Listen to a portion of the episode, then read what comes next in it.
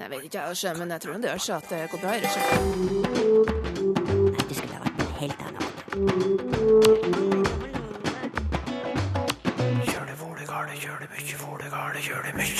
Blir ordbøkene våre trua av sensur pga. kampen om ordene? Ja, mener direktøren i Språkrådet, men møter motstand fra varemerkeadvokat. Og vinneren av Språkprisen 2016 ble tidlig fascinert av ord. Altså, jeg leste meg gjennom eh, svensk og dansk brutallitteratur eh, fra 30-tallet før jeg var tolv, så jeg gudene vet hvordan det har prega meg. Det vet jeg ikke. Vel møtt til Språkteigen.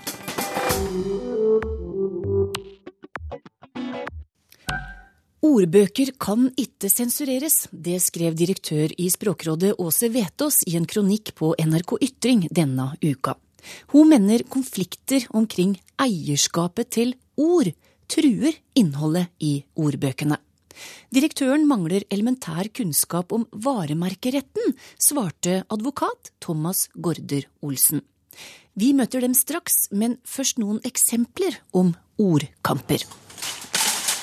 Du tenker nok ikke så mye over det når du står der i butikken og skal kjøpe seimen eller kanskje potetgull til kveldskosen. Hvem eier egentlig ordene? Seimen og potetgull. Ord er ord, men det foregår kamper om ord, slik som seigmenn og potetgull. Seigmenn først. Dette ordet ble så vanlig at flere som lagde seige godterier forma som menn, kalte det seigmenn. Men så ble ordet varemerkebeskytta i 2003. Dette ville eieren av varemerket, Orkla, ha tydelig merka i ordbøkene. Alternativt har den bedt Språkrådet fjerne ordet. Noe Språkrådet sier nei til, fordi det mener ordet hører allmennheten til. Og så var det potetgullet. Der står kampen nå om en varemerkebeskyttelse som Måret fikk i 2009. Den trues fordi det hevdes at ordet er blitt allment beskrivende for sjølve produktet. Tynne potetskiver sprøstekt i olje. Potetgull er altså et ord som allmennheten kan komme til å overta, avhengig av utfallet i en rettssak. Språkrådets direktør viser til mange slike konflikter om ord når hun går ut og sier at uansett hvilke kamper som pågår, ordbøker kan ikke sensureres. Åse Vetås, hvordan kan du si at varemerkeretten fører til sensur av ordbøkene?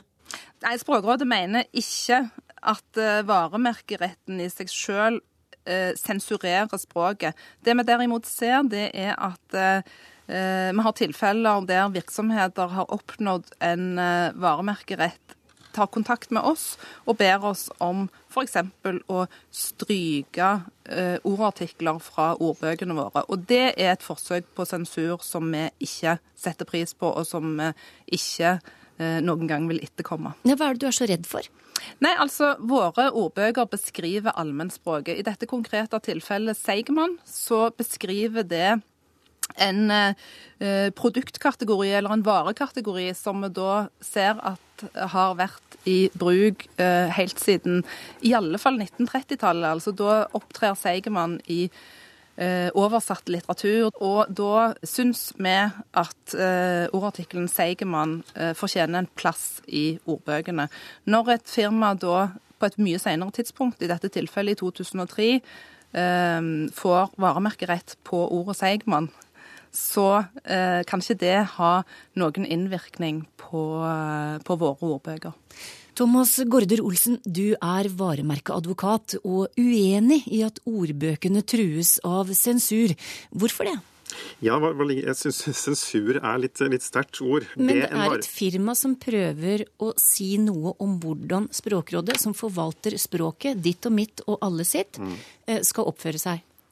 Ja, det man, rettighet, det man har rett til etter varemerkeloven, det er å be eh, bl.a. utgiver av ordbøker å merke i oppføringen at det er et registrert varemerke.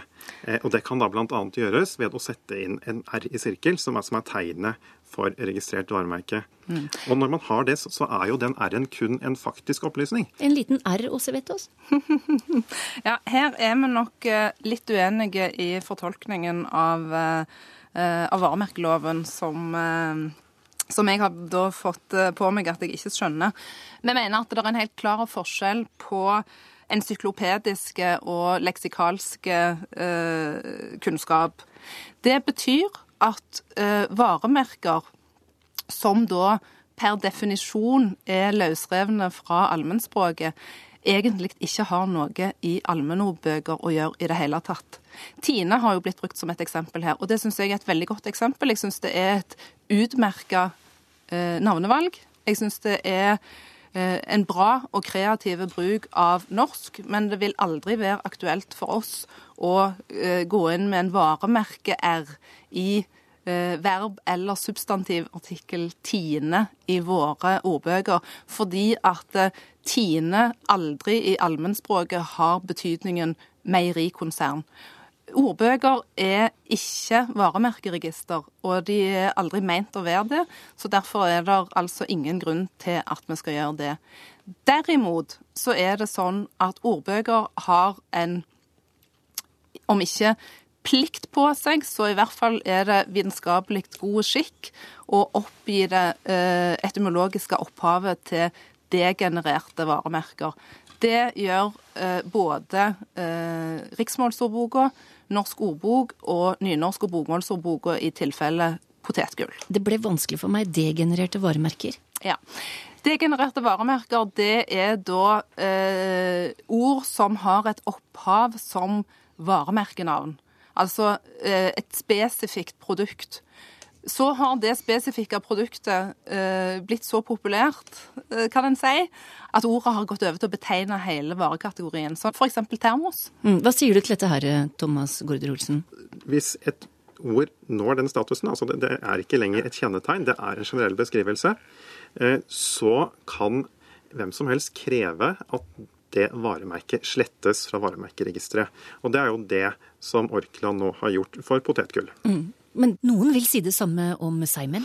Ja, og det er jo det eh, vi i Språkrådet òg eh, mener om Seigmann, at eh, det er urimelig å kreve at vi skal gå inn og varemerkeregistrere noe som er en eh, generelle produktkategori.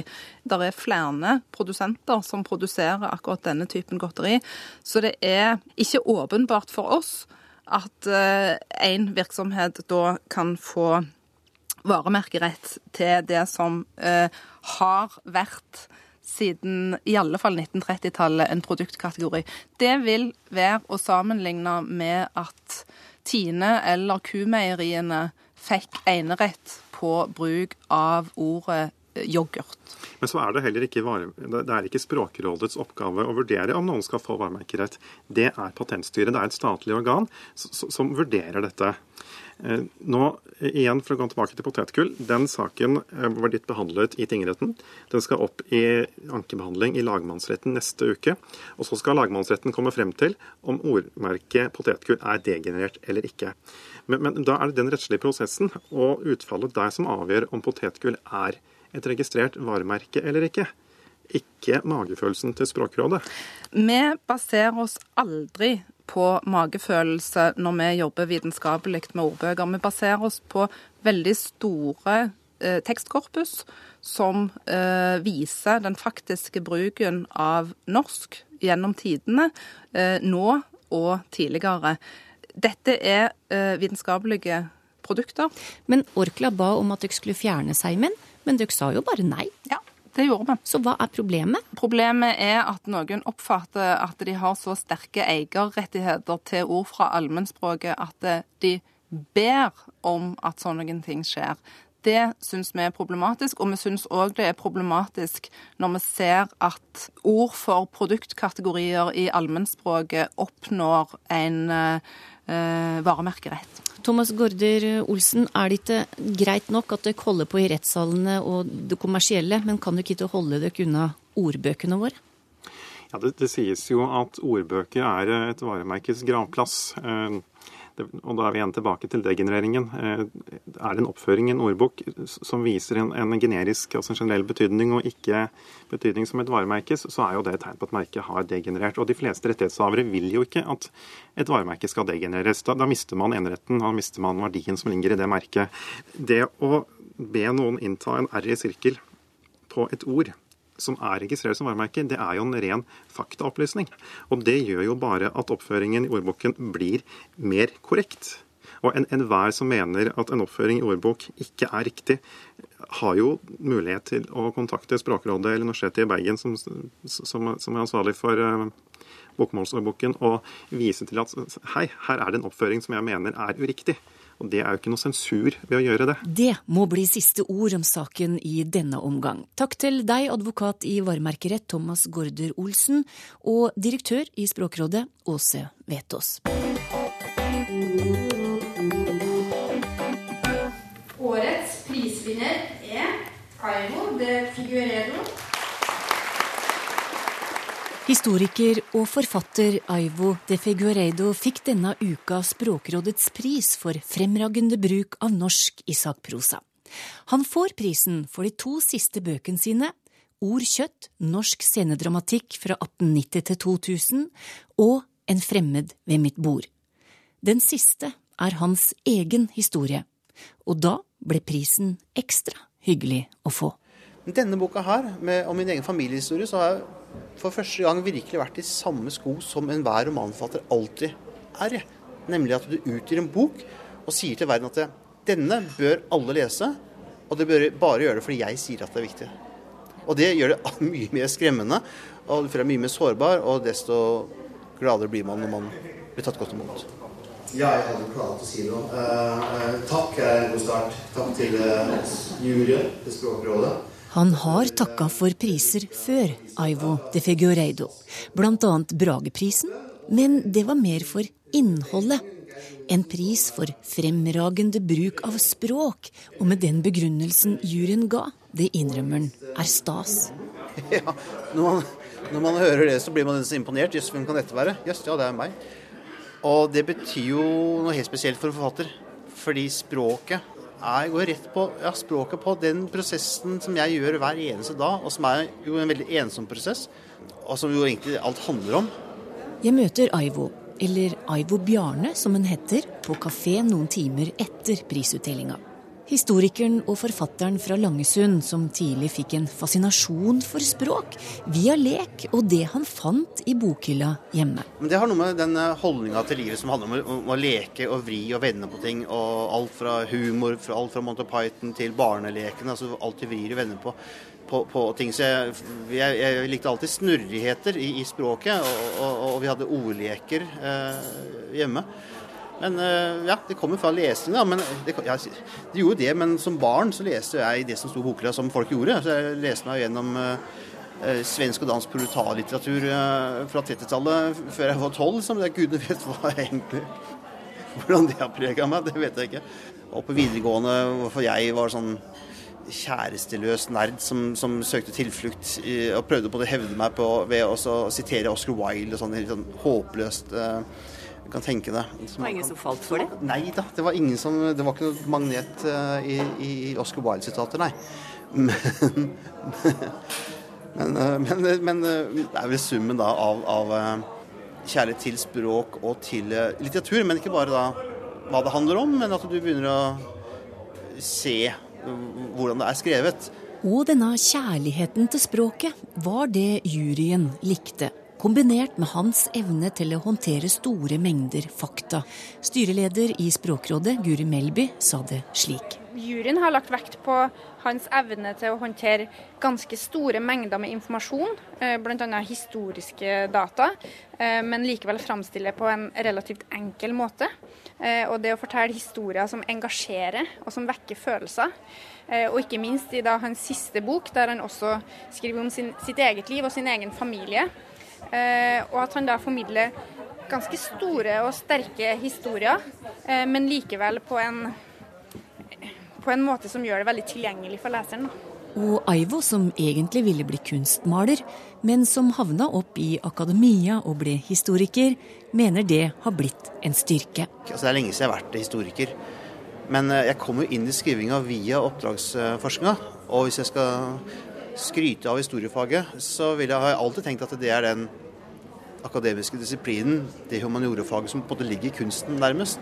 Og det er klart Mye av de metodene mine har jeg tatt med meg, sånn at jeg kunne da gå løs på store oppgaver. Og det er jo en ren organisasjonsspørsmål.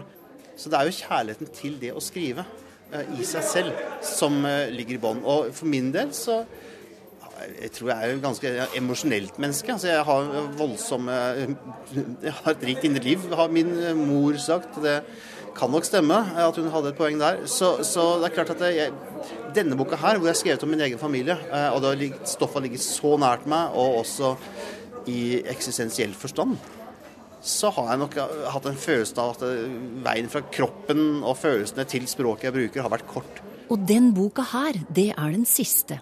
En fremmed ved mitt bord. Det ble sakprosasjangeren han valgte da han ville skrive sin egen nære historie. Om sitt brudd med en voldelig far, og om sin søken etter å forstå faren. En historie som tok en til Øst-Afrika, til den tidligere portugisiske kolonien Goa i India, og tilbake til kolonitida. Og det er veldig interessant å se hvordan en familie på én generasjon går fra å være portugisiske indere til å bli eh, anglifiserte indere. Det har noe å gjøre med statusen deres, at de var byråkrater og imperietjenere. For, først for det ene regimet, og så for det andre. Dermed blir det òg en større historie om emigrasjon, imperiers fall og politiske systemskifter. I dag er slekta spredd over hele kloden. Og påvirker denne rike kulturen språket hans? Det er et morsomt spørsmål, fordi hvis folk fra Langsund hører det her, så kan de begynne å le. Fordi jeg er jo jeg er jo fra Langsund. Altså jeg, er jeg, er jo, veldig nylig blitt flerkulturell. Det, det er litt nytt for meg. Men den kulturen jeg nå har blitt kjent med, da, som, som, kommer via faren min, så har jeg jo fått bekrefta at, at, at, det er noe med meg som matcher det der ute. Og det er jo, det ser du hvis man leser boka og brevene til farmor og farfar. altså Dette er en teatralsk Det er teatralske mennesker. Det er store fakter. Er, eh, og tantene og onklene mine har. Det er mye lidelse, men mye opera. Mimikk, kan man trygt si. Store følelser. Eh, og min farmor skriver fra Nairobi I'm living a tortured life. Så er det det dirrer i veggene. Og, og, og, jeg har fått gode kritikker, som du sier, men eh, veldig mange har påpekt at det er kanskje litt mye patos. og jeg tenker men ja, ja OK, da. Um, så den globale historia som ligger bak min egen tilblivelse, har jo skapt mye større himmel over uh, livet mitt. Og det er jo en stor endring og en, en fantastisk oppdagelse. Uh, og da Det språklige er en del av det. Jeg føler meg ikke bundet på samme måte. Jeg tenker jeg kan gjøre hva jeg vil. En fornøyd Aivo de Figureido som kan nyte én pris, samtidig som han er nominert til Brageprisen for En fremmed ved mitt bord. Den deles ut til uka. Dagens første lytterspørsmål starter med følgende setning. Eg koser meg glugg i hæl. Det er Reidar Hage som skriver til oss og lurer rett og slett på hva refererer glugg til? For Sylfest Lomheim, glugg, det er vel en åpning i veggen? Det er det det er. En glugg ser alle for seg, en åpning. Og det som er sikkert, ifølge ordbøkene, er at å lese glugg i hæl, det glugget Den gluggen der, det er ikke åpninga. Nei. Det er meir eh, Det er truleg i fjernslekt med for eksempel gløgg.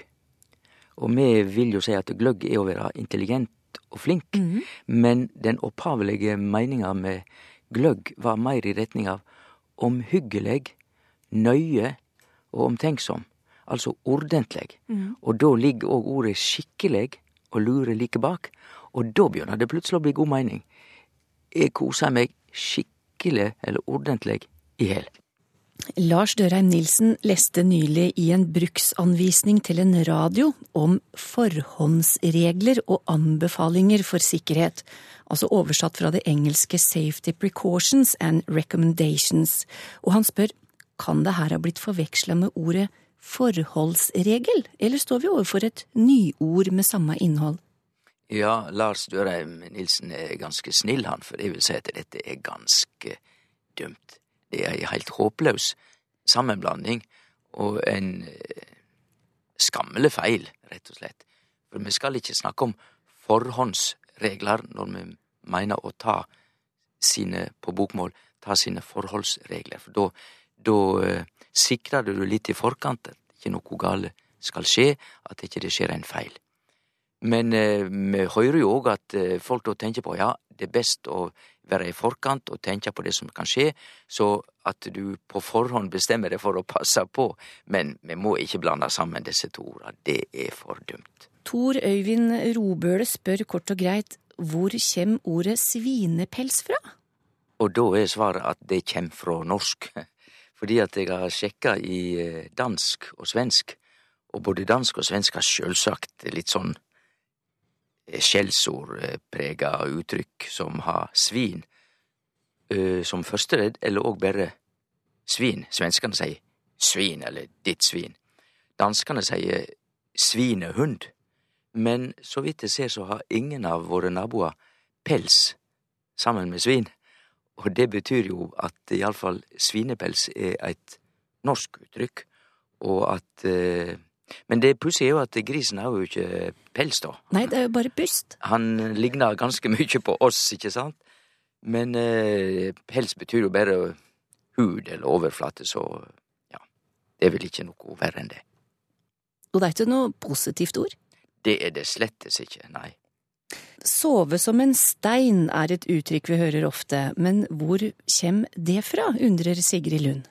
Det tror jeg også er norsk, fordi at eh, på engelsk så sier de sleep like a log. Log er jo en tømmerstokk, og eh, det som er sams for både en stein og en tømmerstokk, er at de er ganske daue. De rører seg ikke, det er heilt stilt, de bare ligger der, heilt tungt og stille. Så det å sove som en stein er nok et uttrykk for at da er du virkelig tungt inne i sovefasen. Så skal vi til Marte Leland, som jobber som skolesekretær. Ja, Men hun har ikke helt funnet ut av to viktige ord for hun egentlig, og det er opptak og inntak. mhm, Altså når du får elevplass, ja. er det et opptak eller er det et inntak? Ja, det kan være begge deler. Eh, Men det er en skilnad som Marte Leland er inne på. Ja. Hun lurer på om det kan være en skilnad her, som hun skisserer litt. Ja. Og jeg er sann med henne, fordi at inntak, det betyr at da spaserer elevene inn. De går inn i skolen, de blir tekne inn i skolen. Men hvis det er opptak, så kan vi tenke oss at de melder seg, og så er det en prøve som representerer opptaket. Du blir tatt opp eller ikke, og så blir du eh, teken inn som elev eller student. Eh, men i vanlig språkbruk så er det nok veldig få som tenker på skilnaden mellom opptak og inntak. Men tenker vi nøye nok, så hører vi at det kan være en skilnad der. Og da er det i tilfelle at opptak kan innebære at det er en prøve først, og så blir du sluppet inn. Mm. Men de kan brukes om hverandre. Ja, i praksis blir det ofte det. Men, eh, men vi har begge disse orda, og det betyr at eh, det kan ligge implikasjoner under her som gjør at de egentlig ikke eh, nødvendigvis skal tolkes på samme vis. Mm. Det er jo òg derfor at alle kjenner ordet opptaksprøve, men vi har ikke hørt om inntaksprøve. Så det prover i grunnen akkurat det som var mitt poeng. Fredagskvelder inneholder ikke bare taco og gullrekka på NRK. Noen bruker òg kvelden til en eh, god språkdiskusjon. Som Asbjørg Torpe. Hos henne så havner de i en diskusjon om ordet Ja, nå vet jeg nesten ikke hvordan jeg skal uttale det, men jeg får si misbillige. Å ja, men du kom godt ifra det. Takk skal du ha. Ja. men, men hva betyr det? Hvor kommer det fra, og da hvordan uttales det? For det første misbillige. Så enkelt og greit er det, vi må ta det som et skikkelig norsk ord. Ja. Og det betyr å ikke like. For hvis du misbilliger noe, så liker du det ikke. Og da må vi, miss er jo greit nok, da må vi ta ordet billige. Og det kjem fra tysk, og vi har fått til norsk via dansk. De fleste av de orda våre som vi har fra tysk, har jo stoppa litt i Danmark, og så hoppa videre til vårt land. Så billige, det betyr da å like. Men eh, Og med litt eldre folk kunne jo si på litt stivt språk de billiget ikke hans atferd. De likte ikke oppførselen. Men så er det slik at dette tyske ordet og billige, og ikke minst adjektivet på tysk, billig, det er det ordet, det tror vi jo betyr en god pris. Ja. For det er faktisk samme ordet som vårt billig, og det betyr da eh, en god pris. Men da skal vi huske på at, eh, at eh, billig egentlig betyr rimelig. Ja. Så billig på tysk tyder rimelig. Og det betyr å, å billige, verbet, det betyr å finne rimelig. Altså, du syns det er ok.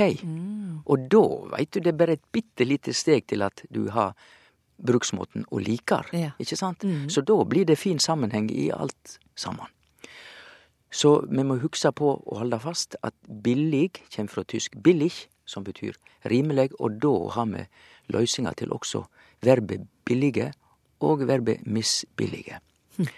Så får vi kanskje legge til at Stortinget i litt tilbake i tid, de vurderte av og til spesielle saker som de kaller billighetserstatning.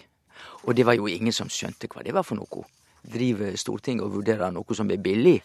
Billighetserstatning. Men nei, her må vi huske på at dette er den opphavelige meninga til billig, og dermed billighet, som er rimelighet. Og billighetserstatning var altså en erstatning som de syntes var rimelig å gi. Og det nye, gode norske ordet for billighetserstatning er jo rettferdsvederlag. Og det gir jo veldig god mening. Ja. Fordi at det er et vederlag som Stortinget syns er rettferdig. Takk til deg, Sylfest Lomheim, for alle svar i dag. Med det er Språkteigen slutt. Vi høres.